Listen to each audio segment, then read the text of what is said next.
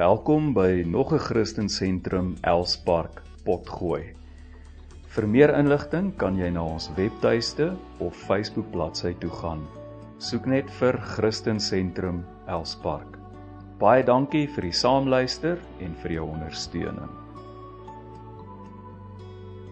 Vandag praat ons oor iets wat ons almal in hierdie pragtige land van ons op hierdie oomblik intens raak. En uh ek wil praat oor as ek as ek as ek vir hierdie boodskap 'n tema kan gee, ons land brand. Ons land brand 'n Christelike perspektief. Ons land brand 'n Christelike perspektief. Twee skrifgedeeltes wat ek wil hê ons moet lees. Die eerste een is in Romeine hoofstuk 13 vers 1 tot 5 en dan is daar ook 'n skrifgedeelte in Timoteus. Kom ons lees net saam vanaf vers 1 en ek lees uit die 2014 proefvertaling. Paulus skryf hier: Elke mens moet onderdanig wees aan die gesaghebbers wat oor hom gestel is want daar is geen gesag wat nie van God afkomstig is nie en die wat daar wel is is deur God ingestel wie die gesag dus die, wie die gesag teestaan verset hulle self dus teen die instelling van God. En diegene wat hulle verset, sal 'n oordeel oor hulle self bring. Die owerhede boesem immers nie vrees in as dit kom by goeie optrede nie, maar wel by verkeerde optrede. Wil jy sonder vrees vir die owerheid leef? Doen dan wat goed is en jy sal lof van die owerheid ontvang. Van die owerheid is 'n dienskneg van God tot jou beswil. Maar as jy doen wat sleg is, moet jy bang wees. Die owerheid dra nie verniet die swaard nie. Hy is immers 'n dienskneg van God, aangestel om die kwaaddoener te straf. Dit is dus noodsaaklik om onderdanig te wees nie net uit vrees vir die straf nie, maar ook ter wille van julle gewete. Met ander woorde, ons is nie net onderdanig ter wille van straf nie, ons is bang is dat ons gestraf gaan word nie, maar uit beginsel uit. Uit beginsel uit. En dan 1 Timoteus 2 vers 1 tot 4 skryf Paulus, hy sê heel eerste pleit ek daarvoor dat smekinge, gebede, voorbidding en dankgebede vir alle mense gedoen word vir konings en almal wat hoë posisies beklee. Hoekom? Sodat ons 'n rustige en stil lewe in alle vroomheid en waardigheid kan lei. Dit is goed en reg in die oë van God ons verlosser wat wil hê dat alle mense verlos word en tot kennis van die waarheid kom. Mag die Here hierdie skrifgedeeltes en die oordeenking daarvan in ons harte seën. Ek dink jy sal met my saamstem. Die afgelope 10 dae brand Suid-Afrika. Brand ons land. Maandag wat verby is, was ek in Germiston se middestad gewees om huwelike by die departement van binnelandse sake te registreer was geskok. Die strate het soos 'n oorlogsone gelyk. Strate waar jy glad nie, daar's van die strate waar jy glad nie kan ry nie. Die middestad van Germiston. Klippe, versperrings, gebreekte glas, gevandaliseerde winkels, brandmerke op die teer ensovoorts. So ek was nie verbaas gewees toe die staatspresident Suid-Afrikaners 'n tweede keer in 2 dae toegespreek het nie. My liewe vriend, 'n weermag 'n weermag se doel is om ontplooi te word teen elemente wat 'n land van buite af, van buite die grense van die land af bedreig. Dis uiters ongewoon dat 'n weermag ontplooi word teen die burgers van die land self. En dit het so pas in Gauteng sowel as in KwaZulu-Natal gebeur. En dit gee ons amper die gevoel van 'n smeulende burgeroorlog. Iets waaroor ek as ek reg onthou Oktober verlede jaar gewaarsku het. Ek het net nie verwag dat dit vanuit so vanuit hierdie oor sou kom. So maar genadiglik moet ek byvoeg, dank die Here, ons is darm nog nie regtig in 'n burgeroorlog. Nou as gevolg van hierdie gebeure, voel ek dit is noodsaaklik dat ons vandag oor 'n Christen se verhouding met die regering praat en hoe ons onsself op hierdie oomblik behoort te posisioneer ten opsigte van ons land. En ek wil hê dat jy na my opmerkings wat ek glo gebaseer is op God se woord gebaseer is op die waardes van 'n Christen, ware Christen, dat jy jou hart sal oopmaak vir dit wat ek vandag met jou wil deel. Nou, uit die aard van die saak, ons was tot op hede besig met 'n preekreeks wat sistematies deur Paulus se brief aan die gemeente in Rome werk. As jy sal reg onthou, Uh ons skrifgedeelte vandag kom ook uit Romeine uit, maar dit kom uit Romeine hoofstuk 13 uit. Nou die eerste aantal hoofstukke van van Romeine beskryf vir ons hoe ons of jy nou 'n Jood is of jy 'n heiden is of jy Afrikaner is of jy Zulu is of jy Xhosa is, hoe dat ons een nuwe mensheid in Jesus Christus geword het. En dan as jy by die laaste hoofstukke kom, onder andere die hoofstuk waaruit ons vandag gelees het, is hy baie meer prakties.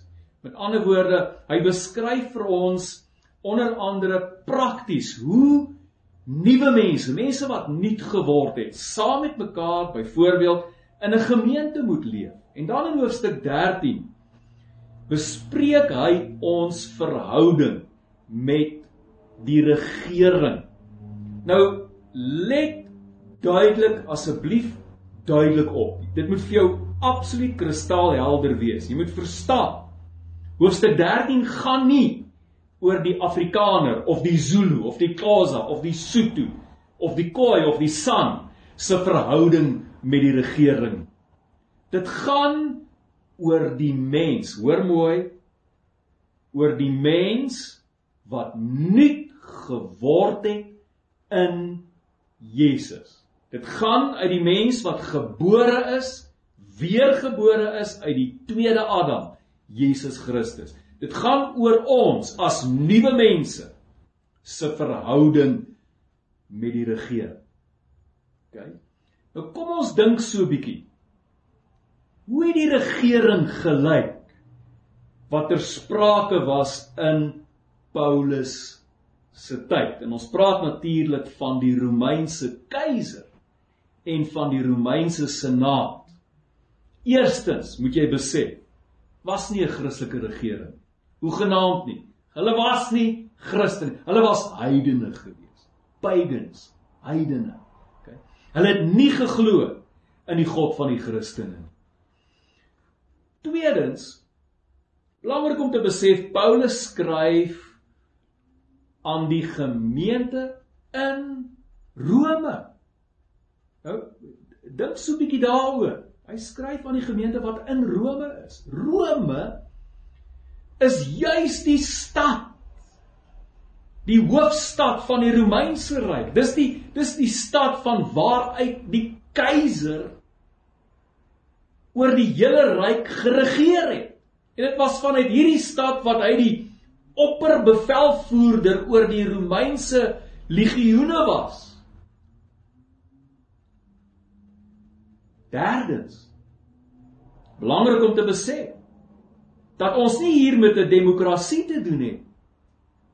Die Romeinse keiser dit was 'n autokrasie en het geweldig baie mag vir die keiser gegee. Inteendeel, daar was tye in die geskiedenis van die Romeinse ryk wat veral na keiser Augustus wat die keiser amper as as 'n soort van 'n godmens of mens God gesien is.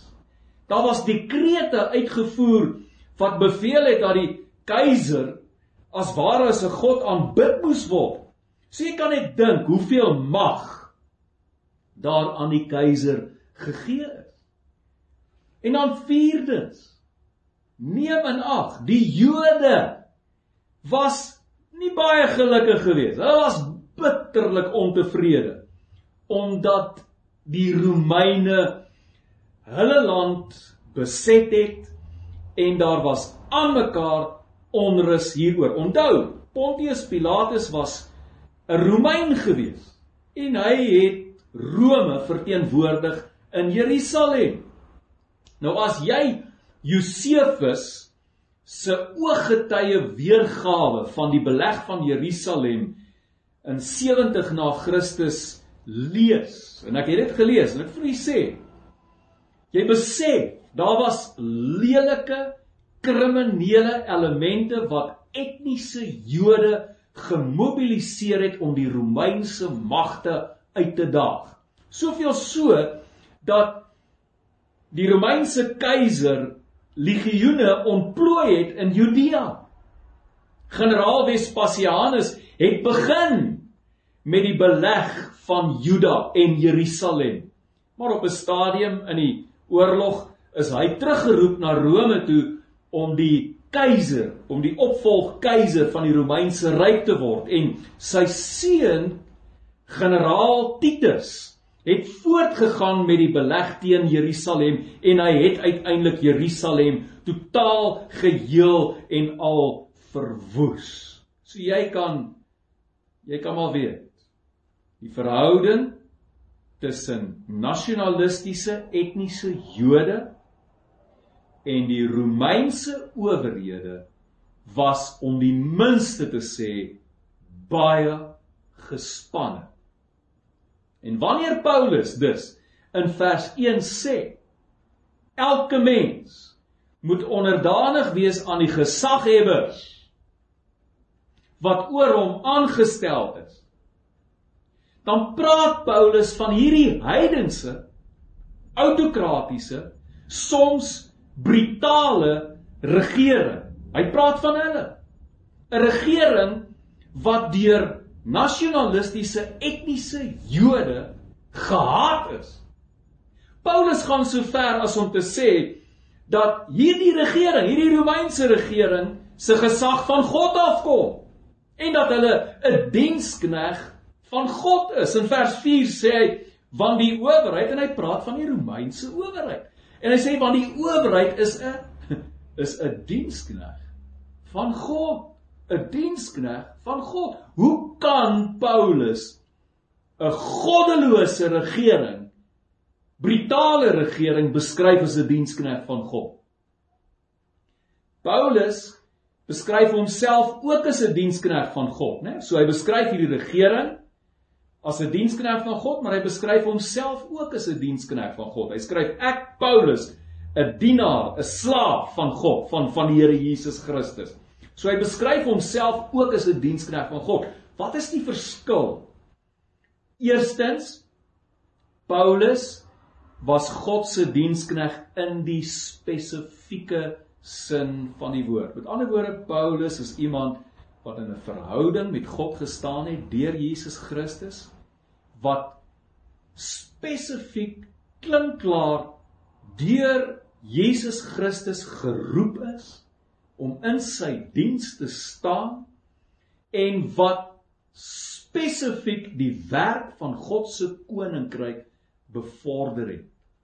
In daardie opsig was Paulus 'n dienaar van Jesus Christus, 'n dienskneg in die spesifieke sin van die woord, maar die regering is God se dienskneg in die algemene sin van die woord. En wat bedoel ek daarmee? Dit beteken dat enige regering maak nie saak of hulle goddelik is of goddeloos is. Enige regering wat sorg dat daar 'n mate van vrede en orde in 'n samelewing is, is 'n instrument in God se hand om mense mense wat na God se beeld geskaap is of hulle hom dien of nie om mense teen die verwoesting van absolute chaos te beskerm. Jy haat dalk die ANC regering, maar kom ons sê ons land het geen regering gehad. Niks. Daar was net mooi niks. Wat sou ons beskerm het? Wat sou vir ons 'n mate van 'n buffer gewees het teen absolute chaos? En daarom dra die regering ook die swaard. Die swaard. Hulle kan die geweer uittrek. Hulle kan mense tronk toe stuur. Hulle kan weermag ontplooi.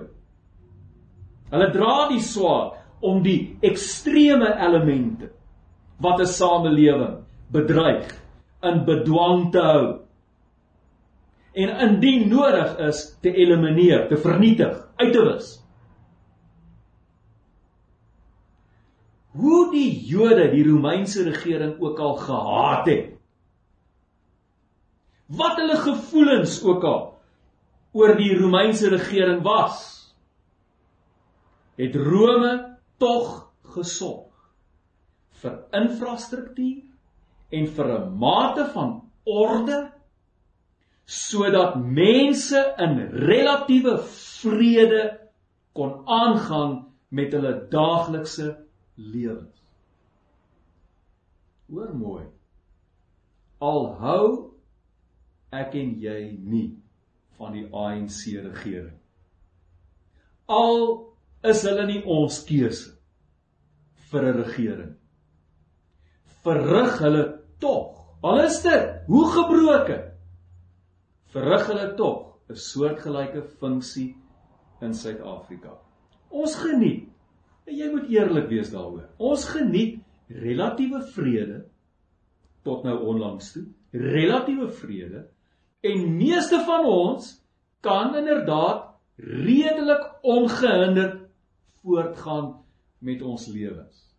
Die ANC het nog nie aan ons kerk se deur kom klop en ons probeer toemaak of ons probeer verwoes nie. Nog nooit nie. So in daardie sin is ook hierdie regering 'n instrument in God se hand om chaos mag Ek sê dit weer.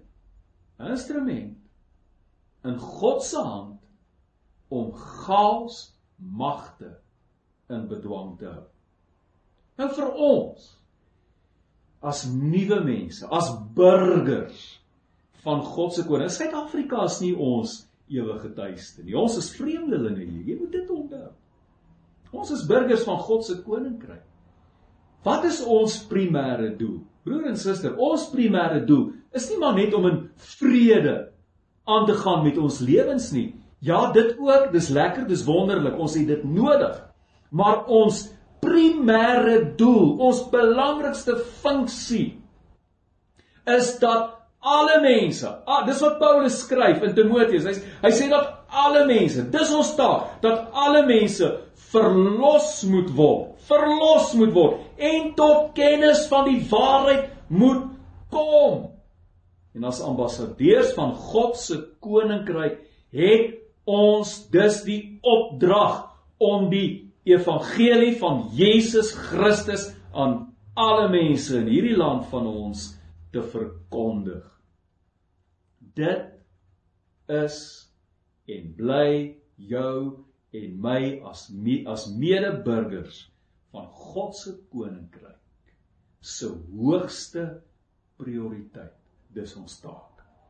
Ons kan nie bekostig om verstrik te raak en die mondstukke te word van enige ander ideologie of etniese belange nie. Ek hoop jy hoor my baie mooi.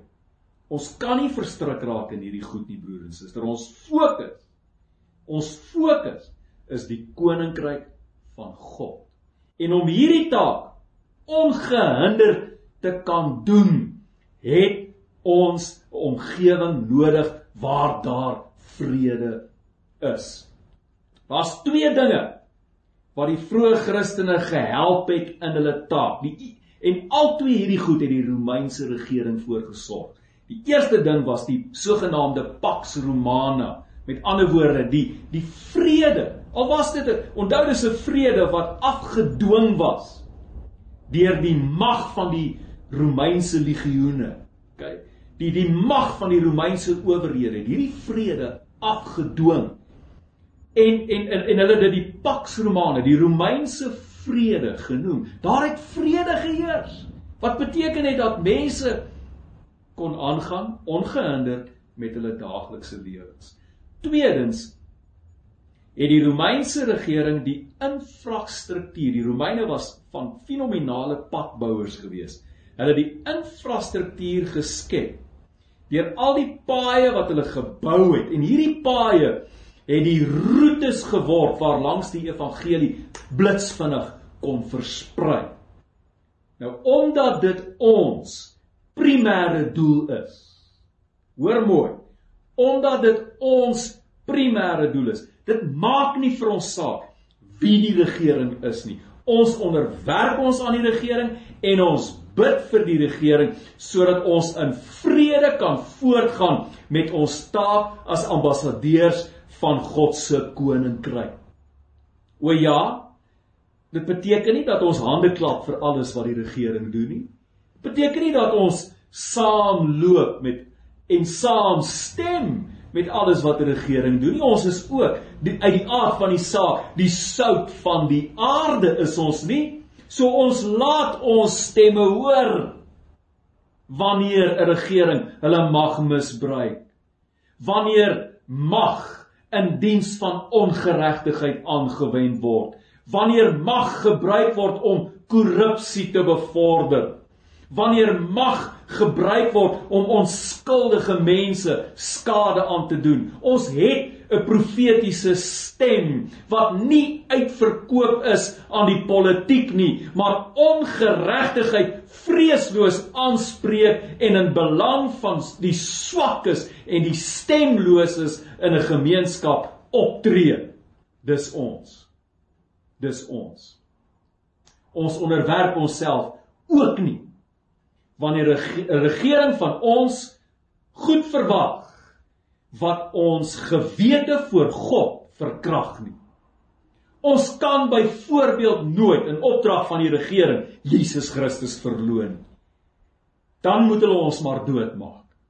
Ons kan dit nie doen nie. En en en die geskiedenis is vol daarvan. Die Romeinse, die Christene wanneer daar dekrete uitgevoer was dat hulle niemand anders Here mag genoem het as die keiser nie dan het die Christene gesê daar's net een Here en dit is Jesus Christus en baie van hulle het met hulle lewens daarvoor geboek. So ons trek ook die streep as uh, enige regering maak nie saak wie hulle is nie. Al is dit ook 'n vir jou wat en ek wat Afrikaners is, 'n Afrikaner regering van ons verwag om goed te doen wat in stryd is met God se woord, sal ons dit nie doen nie. Ons kan nie daarmee saamgaan nie. So, ehm uh, Ja, ons het 'n profetiese stem en nee, ons stap nie saam met goed wat teen God se wil is nie. Maar wat staan ons te doen op hierdie kritiese oomblik in Suid-Afrika? Hierdie oomblik waar ons nou is. Wat moet ons nou doen? Ek en jy. En ek het 'n paar voorstelle. Eerstens. Eerstens is 'n waarskuwing. Pasop vir etniese mobilisering. Met ander woorde, pas op dat jy in die naam van jou Afrikanerskap of jou Zuluskap of jou Sothoskap of jou Khoiskap of jou Sanskap gemobiliseer word vir sekere motiewe. Ek dink byvoorbeeld nie dis reg. As ek net vir jou voorbeeld kan gee. Vir Christene wat Afrikaners is, Afrikaner Christen, is nie reg vir ons broer en suster om te sê kom ons staan op die kantlyn en kyk hoe die Zulus en die Xhosas mekaar verwoes. Ons is nuwe mense in Christus. En ons word nie meegesleer deur etniese motiewe nie. Ons kan nie dit bekostig nie. Die begin en die einde van ons fokus is die uitbreiding van God se koninkryk. Tweedens bid vir ons regering. Kan jy regtig vir my sê jy hou minder van die ANC as wat die Jode van die Romeinse regering gehou het? Ek dink nie so nie. En tog is dit die Jood Paulus wat sê ons moet bid vir ons owerhede.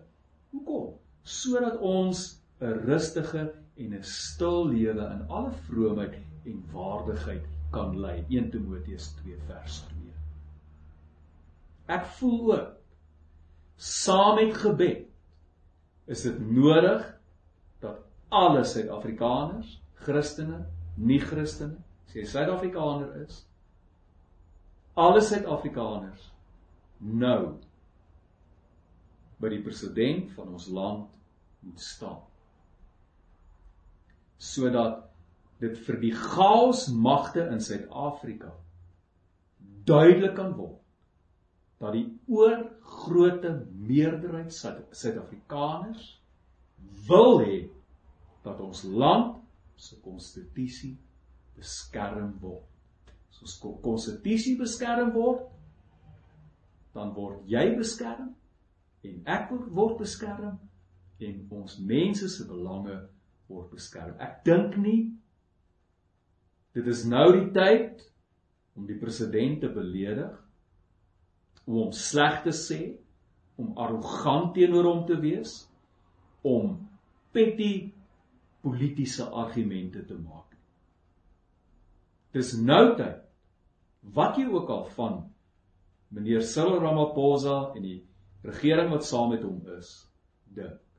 Dis nou die tyd vir die land Dis nou die tyd vir ons om vir ons land se konstitusie te staan. Dis waar dit gaan. Om vir ons land se konstitusie te staan en die president van hierdie land wat veronderstel is om ons konstitusie te beskerm om hom te laat weet dat ek en jy en die oorgrootste meerderheid van ons land se burgers by verre die oorgrootste meerderheid hom ondersteun. Ek dink dit hoort ons boodskap te wees. Ek dink die DA behoort ook hiermee saam te stem. Hou op met arrogante uitsprake teen ons president nou. Dis nie nou die tyd daarvoor. Dis nou tyd vir ons almal of jy DA is of jy Vryheidsfront is. Persoonlik ek het geen politieke tuiste nie. Ek is nie vir enige van die partye op die spektrum op die oomblik nie, hoe genaamd nie. Al watter party party jy ook al ondersteun. Dis nou die tyd vir ons om as 'n land saam te kom en ons president te laat weet ons ondersteun en ons wil hê dat Suid-Afrika moet vorentoe gaan. Derdens bid vir 'n gesindheidsverandering by die vorige president as ook sy volgelinge. Kan ek vir jou eerlik sê? Toe uh, president Zuma op die toneel verskyn het en ek hom gesien het die eerste keer en gesien het hoe hy praat en hoe hy optree. Ek praat nie van hoe hy tel nie. Ek hou nogal. Ek hou nogal van die mens. Nie die president nie, die mens, meneer Zuma. Weet jy as jy mooi na hom kyk, hy het 'n warm, inneemlike persoonlikheid en dis hoe ek hom opgesom het. En uh ek was baie verras geweest toe Helen Zille die afgelope week dit bevestig het. En onthou, sy was Zuma se grootste opponent. Maar hoor wat sê sy oor hom? Sy sê he was unfailingly warm and humane in his treatment of me personally. Dit sal Suid-Afrika baie help as die mens, meneer Zuma, opreg verskoning vra Askies sê, sê ek is jammer dat hy die konstitusionele hof geminag het en dat hy as hy met sy aanhangers kan praat om hulle gemoedere te kalmeer. Weet jy daar's iets so 783 aanklagtes van bedrog en korrupsie teen meneer Zuma?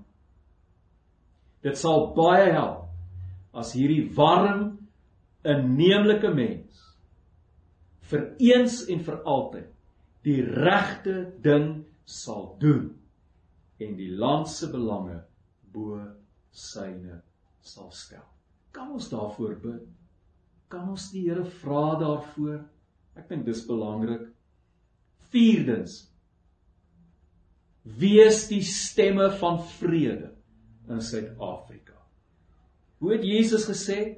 Geseën, met ander woorde geseënd en gelukkig, salig is die vredemakers want hulle sal kinders van God genoem word. Nou meer as ooit moet ek en jy uitstaan as die verkondigers van vrede en versoening in hierdie land. Behoed ons as ons ons stemme en ons energie gebruik om te polariseer, beledigend te wees teenoor ander mense en haat aan te blaas. Dis nie die taak van 'n kind van God nie. Ons is vredemakers. En dan vyfdens, laastens, ons bid vir Suid-Afrika. En hierin sluit ek aan by die president van die AGS se oproep. En ek het vir jou gelees aan die begin by die inleiding van van hierdie diens, by die verwelkoming die verklaring, die AGS se verklaring rondom die huidige toestand in hierdie land en die oproep om vir die volgende week te bid vir die situasie in Suid-Afrika. Besef ons hoe belangrik hierdie oomblik in Suid-Afrika se geskiedenis is en hoe die uiteinde van hierdie stryd die welvaart en die heropbou van Suid-Afrika kan beïnvloed. Weet jy dat ons op hierdie oomblik op 'n mespunt gebalanseer is? As die chaosmagte nou wen, sê ons totsiens vir ons land. As die chaosmagte aan die ander kant nou vernietig word, gemarginaliseer word. En hulle uiteindelik die boodskap kry, ons wil dit nie in ons land hê nie, sal ons weer asemhaal in hierdie pragtige land van ons. En sal ons kan voortgaan met ons primêre taak naamlik die uitbreiding van God se koninkryk. Kom ons bid vir ons land in Jesus naam. Amen.